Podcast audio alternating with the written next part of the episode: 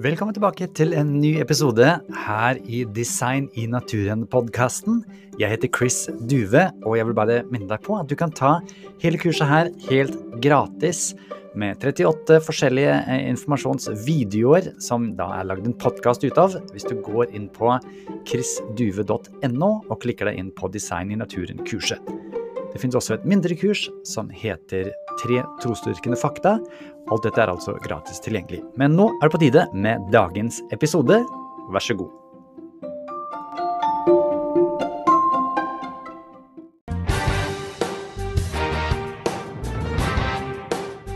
Yes, welcome back to you, Dr. Douglas X, for joining us in this session where we look a little bit more at the chemical details of things. Good to be back. Yes. Um, uh, I understand in chemistry, you know, a lot of it comes down to basically information. Uh, and myself, I love rhyming. I love writing songs. I make these children's CDs and write children's books. And I know that if I've got, you know, A, B, C, D, E available, I can make stuff like uh, care, bead, deed. But I can also make a lot of stuff that doesn't make sense, like abek, sebt, ba, ab, eba, sit, you know. So I'm wondering, when it comes to the basic building blocks of life, you know, they got to be pretty well assembled, it seems. What are the possibilities or probabilities of those blocks assembling like we read in the textbooks? Yeah, it's a great question. Um, and written language is a great way to talk about building blocks in a way that's relevant to life because you have in life large molecules that have very, very special functions, but they're built by adding together little building blocks. So it's kind of like taking the letters and writing something significant with them. So uh, it turns out that in all of these language like things, the number of ways to do something significant is tiny, infinitesimal compared to the number of ways to just make a mess, right? So you see that with your, you did A, B, C, D, E. Um, you can get some words out of those, but if you just throw them together, you're much more apt to get nonsense than to get words. And one of the ways that I illustrate this is using something called alphabet soup. I don't, do you have this in Norway? It's kind of a thing. Uh, it's not very popular now, but as a kid, you know, this I, I, yeah, I, I it's saw. kind yeah, of a kid yeah. soup thing.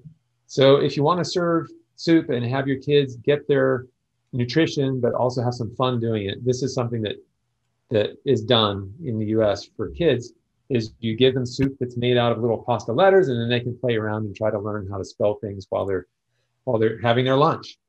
Um, but because you have all these letters here, it's possible if you just poured some of this soup into a bowl, it's possible that you would get some words spelled out. And that can happen for short words by complete chance. So it's not that anyone tried to spell anything, it's just you have the letters there.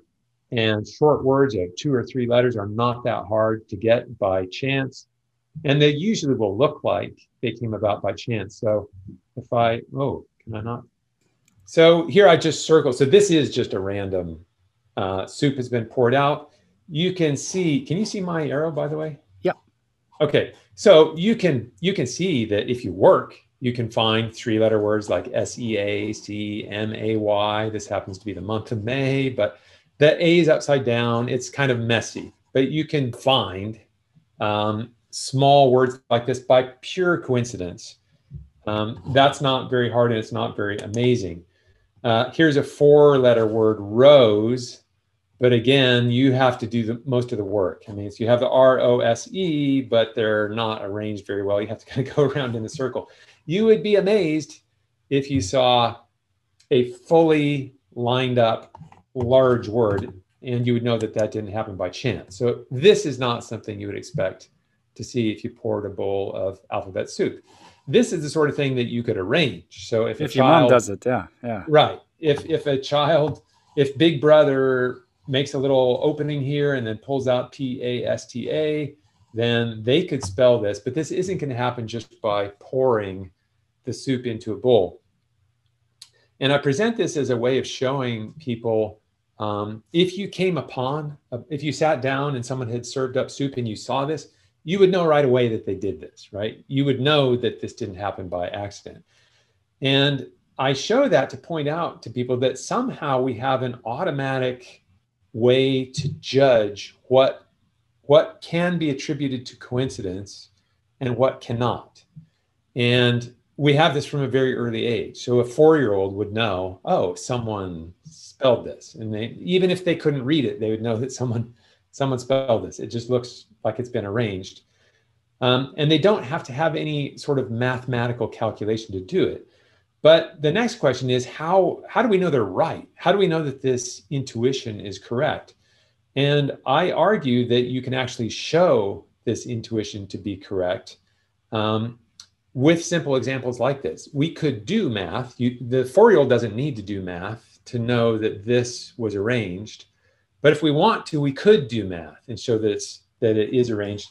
And the way we would do that, a simple analysis would be to superimpose a grid of squares on this picture and to notice that there's something special about the whole area that's shown here in grid. So I have 23 squares here. Five of them in the middle are occupied by these letters that are properly arranged and they're chosen letters that actually spell something.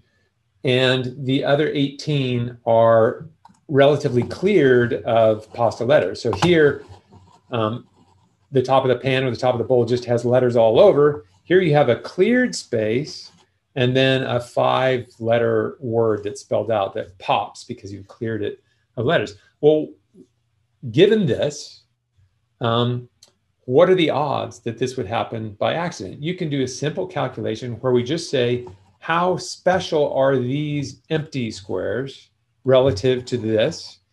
And how special are these five squares relative to this? And if we do just a simple crude calculation, we'd say that the 18 surrounding squares are maybe one in 10 unusual, which means you'd have to look over um, 10 squares here to find one that's cleared. It, it actually looks like I'm being generous. It looks, it's probably more unusual than that, but certainly at least that kind of unusual.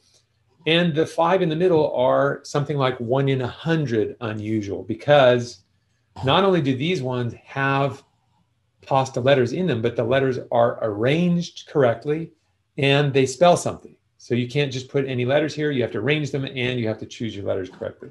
So that's that. These are more unusual than these, but they're all somewhat unusual. Well, if this is roughly correct and the numbers don't have to be exact, you can do a calculation to say how likely would it be that you could just pour this soup into a bowl and get that kind of arrangement? And it, the answer would be it would be one in some large number. That large number is 10 to the 18th power because you had 18 of those squares are one in 10 squares, and then five are one in 100. So it'd be one in 10 raised to the power 18 times 100 raised to the power 5. That's a lot of soup.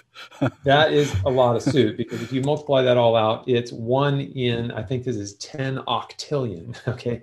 So there's no way you could fill the oceans with soup. There's no way you would have ever have this much alphabet soup, which means there's no way this would happen by accident, which means the four year old who didn't have to do this was right somehow automatically. So there's very simple things that we see. And I think it comes down to simply recognizing that someone had to know what they were doing to do this. And I think that's why, well before the age of four, we are people who want to know how to do things. So part of learning how to do things is recognizing what are the things that you need know how to do. Okay. So by the age of two, we're already doing this. We're recognizing what are the things that mom or dad or a big brother or big sister do, and I want to do those things. So we have an eye for uh, what are the things that require some know how to arrange. And now I want that know how. I want to be able to do that. So whenever we see those things, we know right away someone did this. And our early curiosity is I want to know what are the things that people did because I want to know how to do them. And that logic works. It works perfectly because whenever you really do need to know how to do something, it's because without know how, it would be improbable at every single step. And then when you combine those steps, like the 18 squares and the five squares, even modestly improbable, like one in 10 or one in 100 improbable, becomes scary improbable when you combine all those things.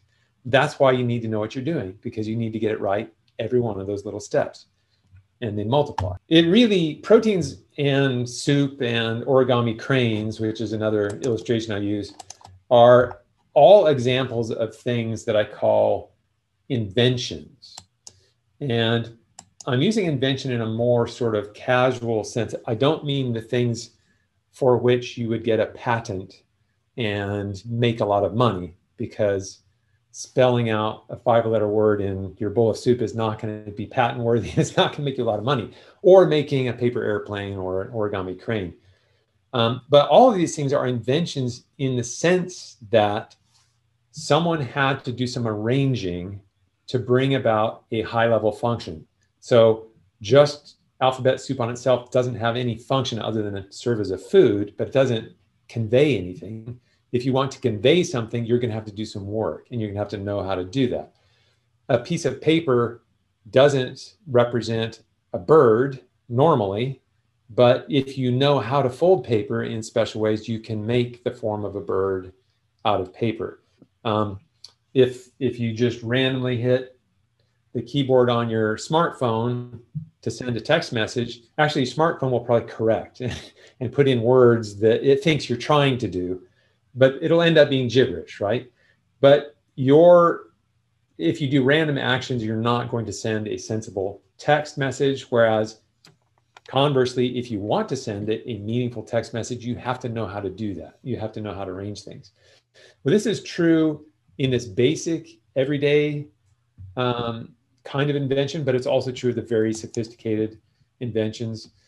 And there's a structure to this, really, for all of these things. And I and I, I use this structure to illustrate something that I call functional coherence, which is simply that if you want to do something clever, if you want to arrange things to do something clever, you have some top level thing here that, if it's built correctly, works but invariably, that means you have all kinds of things below it, simpler things that each make some part of it work, right? So in the case of a text message, if this were a text message up here where I'm, you know, telling my wife when I'll be home for, for dinner or I want to meet her somewhere for dinner, that would be the top level function. Down here, we have the letters that I have to arrange to make words, and then the words that I have to arrange to convey this message. So that's a simple example of an, of an invention. And of course, complex things can be inventions too, things like cameras. They always have components within components, and always the components are made exactly the way they are in order to um, perform some sub function, all of which add together and combine to, for, to perform this top level function. In the case of the camera, that's for you to take pictures. It looks a little bit like my two and four year old have been working on that camera the wrong way around. Yes, and, and probably they won't be able to get it back together if they've done this. But I, I used to love doing this actually. Get a complex thing and take it apart, see what all the parts are. And you could never get it back together again, but it was fun just to see what are all the parts of something complicated. It's a fun thing to do. And it's very educational. Um, so if this reasoning works for things that are as complex as a digital camera or even simpler, like a folded origami crane, then I argue it has to work for things that are this complex, human human beings, or really any complex life. So you could take one of these butterflies, but certainly for all of this complex life, that same reasoning has to work. That there has to be. You don't have to take a human apart. You don't have to take an anatomy course. Um, to see all the internal complexity of the human in order to know that there's something complex happening there. You just know because of the high level function, rocks and sand and water and dirt don't do what animals, butterflies, dragonflies, humans do. Therefore, something very, very clever is happening to make this high level function possible. And it's true. So if you do take anatomy, you're going to see all these major organ level complexity to the human body, but it goes all the way down to the molecular. So you have an eye is composed of the various tissues, the, the retina, the cornea, the sclera, um, the vasculature that allow the eye to work. And each of these tissues is itself a complex arrangement of cells to form tissues. Here you have the rod and cone cells of the retina, a very complex arrangement in order for the retina to, to do what it does, in order for the eye to do what it does, in order for the human body to do what it is supposed to do. Um, and you can drill all the way down to the level of molecules. And here's where uh, I have done my studies, and colleagues uh, I've joined with have done studies looking at individual protein molecules. This is a complex of protein and RNA molecules called the ribosome, and this is the machine that actually does the translating of um, sequence information uh, in the form of RNA that came from the DNA in order to make uh, chains of amino acids that form these proteins. So in this, the orange, the orange uh, curly bands are RNA, and the more colorful bands that have the sort of coils and parallel lines, these are protein parts of the ribosome. And the ribosome is one example. There are thousands of these different protein folded forms where the amino acid sequence is just right in order for these things to collapse and form really kind of elegant and beautiful structures. But it's not just art, it is kind of art. I find them to be artistic. The structures are what allow these things to do what they do within the cell. So they do chemistry, they form structural scaffolds, they form parts of motors. Um, and really, all of the complex functions at the subcellular level are being performed by proteins, usually uh, large suites of proteins in combination. How, how, lucky do you have? I mean, with the soup, it was oceans. How lucky do you have right. to be to get one of these? It's it's beyond oceans. So um, one of the studies when I was first really embarking on the study of the information content of these, um, I did a study on a particular protein. I'm not sure if I have a picture of it here. I might. Yeah, it's beta lactamase. Um, so this is a single protein chain that folds into this shape, uh, and it just looks like a mess. But these these things we don't know how to interpret just by looking at a shape. We can't say, oh, I see what that does. The way you could interpret like a wrench or something. But these are tools much more sophisticated than a wrench. You wouldn't be able to see it if I just showed you this shape, but it turns out this shape is perfect for binding penicillin. And penicillin is shown here in green. And not only does it bind penicillin, but it inactivates, it breaks penicillin.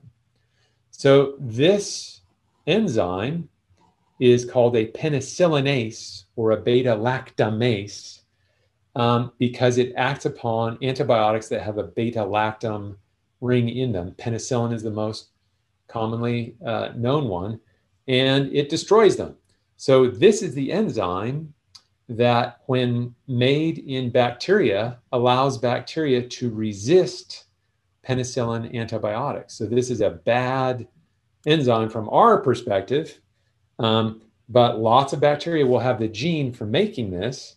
And if they do, then you can take penicillin and you won't kill the bacterium because it's got this nice little penicillin deactivator inside the cell.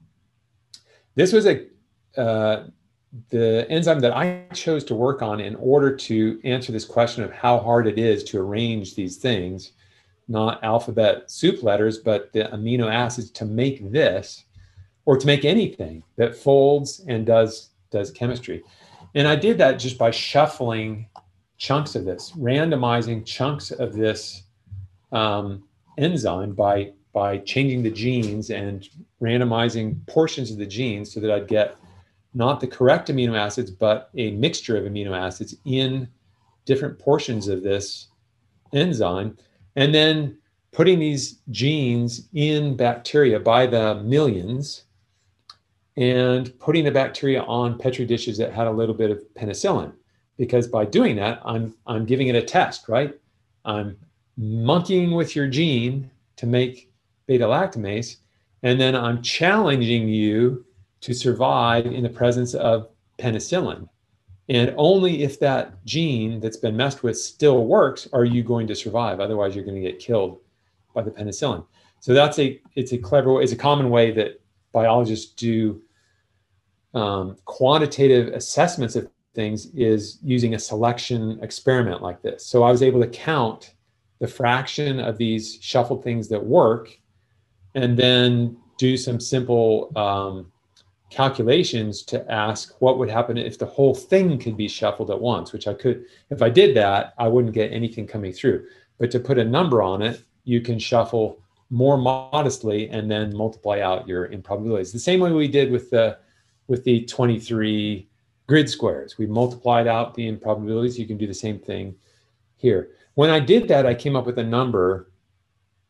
So you can think of this as a probability of randomly picking an, an amino acid sequence. How likely would it be that it would fold up and and perform a structure that is able to do a chemical function like this? And the answer was um, for a particular function, it looks like the odds are about one in 10 to the 77th power. So that's worse than one in a trillion, trillion, trillion, trillion, trillion, trillion. Very, very, very unlikely. Far worse than the one in whatever it was, 10 octillion for getting um, the word spelled in your alphabet soup. So does that mean it really could never happen, or there's a slight chance of it happening? That's the thing with probabilities. If you say um, the odds are one in a million of you winning the lottery, okay, but by buying a single ticket, and uh, if it were one in a million, sometimes it could be worse than that or better than that, depending on the lottery. If it's one in a million, that doesn't mean that it's impossible for me to just go buy a ticket and in one ticket win. It just means I would not expect that to happen. If you want to expect to win the lottery and the odds are one in a million per ticket, then you're going to have to shell out over a million dollars and buy over a million tickets. And then, yes, you won, but you spent $2 million to win $1 million. So it's not a good investment. But that's the way probabilities work. Um, if you can put a number on it and it's not zero, you're not saying that it's absolutely impossible. You're saying it's unexpected if the number is well below 0.5. So here's how I answer people who say, well, that doesn't mean it's impossible. I'm saying what it does mean is a theory that claims to explain how something happened has to explain how it becomes probable, not improbable. So if you have a theory that tries to explain how life came about from non life without intelligent design, without guidance, that theory would only be successful if it can show that it's likely to produce life. And when you get odds like this, you're saying it's extraordinarily unlikely to produce this and this is only one tiny part of what you would need to produce to produce life. So I'm content for for I will admit to someone who thinks that life happened by accident that this does not put the probability at zero, but in I would ask them to admit that it shows that that hypothesis, the hypothesis that life came about by accident, is extraordinarily unlikely to be true, which means you shouldn't believe it. Plus, I mean, there's real limits to it as well. I mean, the uh, it has to happen in a place where life can continue to exist. Right. So it has to happen on a place like Earth, which you don't have really much more than three point something billion years. Right. And you don't have unlimited amounts of space or matter or energy either. You know, so I think there's some other constraints as well that kind of just say that if it has to happen how many millions of times and still be lucky and still that's when you also kind of hit the wall right, with so those real with the question, the question when does uh, what makes an explanation a scientific explanation and what would make it a non-scientific explanation and probabilities do weigh into that so if a scientist wants to say here's my explanation for how this happens then for that to be correct they're saying um, given these circumstances, this outcome becomes probable. And that's why I say if I've explained it scientifically. If you have these conditions, this is what you expect to come out of it. That becomes a scientific explanation. If you're simply saying, if you have these conditions, it's not mathematically utterly impossible for this to come out, that's no longer a scientific explanation because you could say all kinds of things that are complete nonsense that nobody believes, for which the probability is not precisely mathematically zero. I mean, you could throw, we could go back to the alphabet soup and say if you have a big vat of it, for it to have an entire essay spelled out, an excellent essay spelled out in letters by pure accident, the probability is not mathematically zero. It's just so low that we absolutely know that will never happen. And you'd be crazy if you thought otherwise. That uh, that part where you kind of go from thinking that is unbelievable. Actually, that's uh, one quote I think which you have in um, this book. Also, theistic yes. um, evolution, which we'll get to a little bit in the next chapter. It be, well, if it's unbelievable, then uh, why do people still believe it? And I think we're going to get a little bit more into what all of this actually means, where we're looking at naturalistic explanations that can't seem to get the plane off the ground. What does and what does it mean for us? And we'll talk about that in the next session. Mm.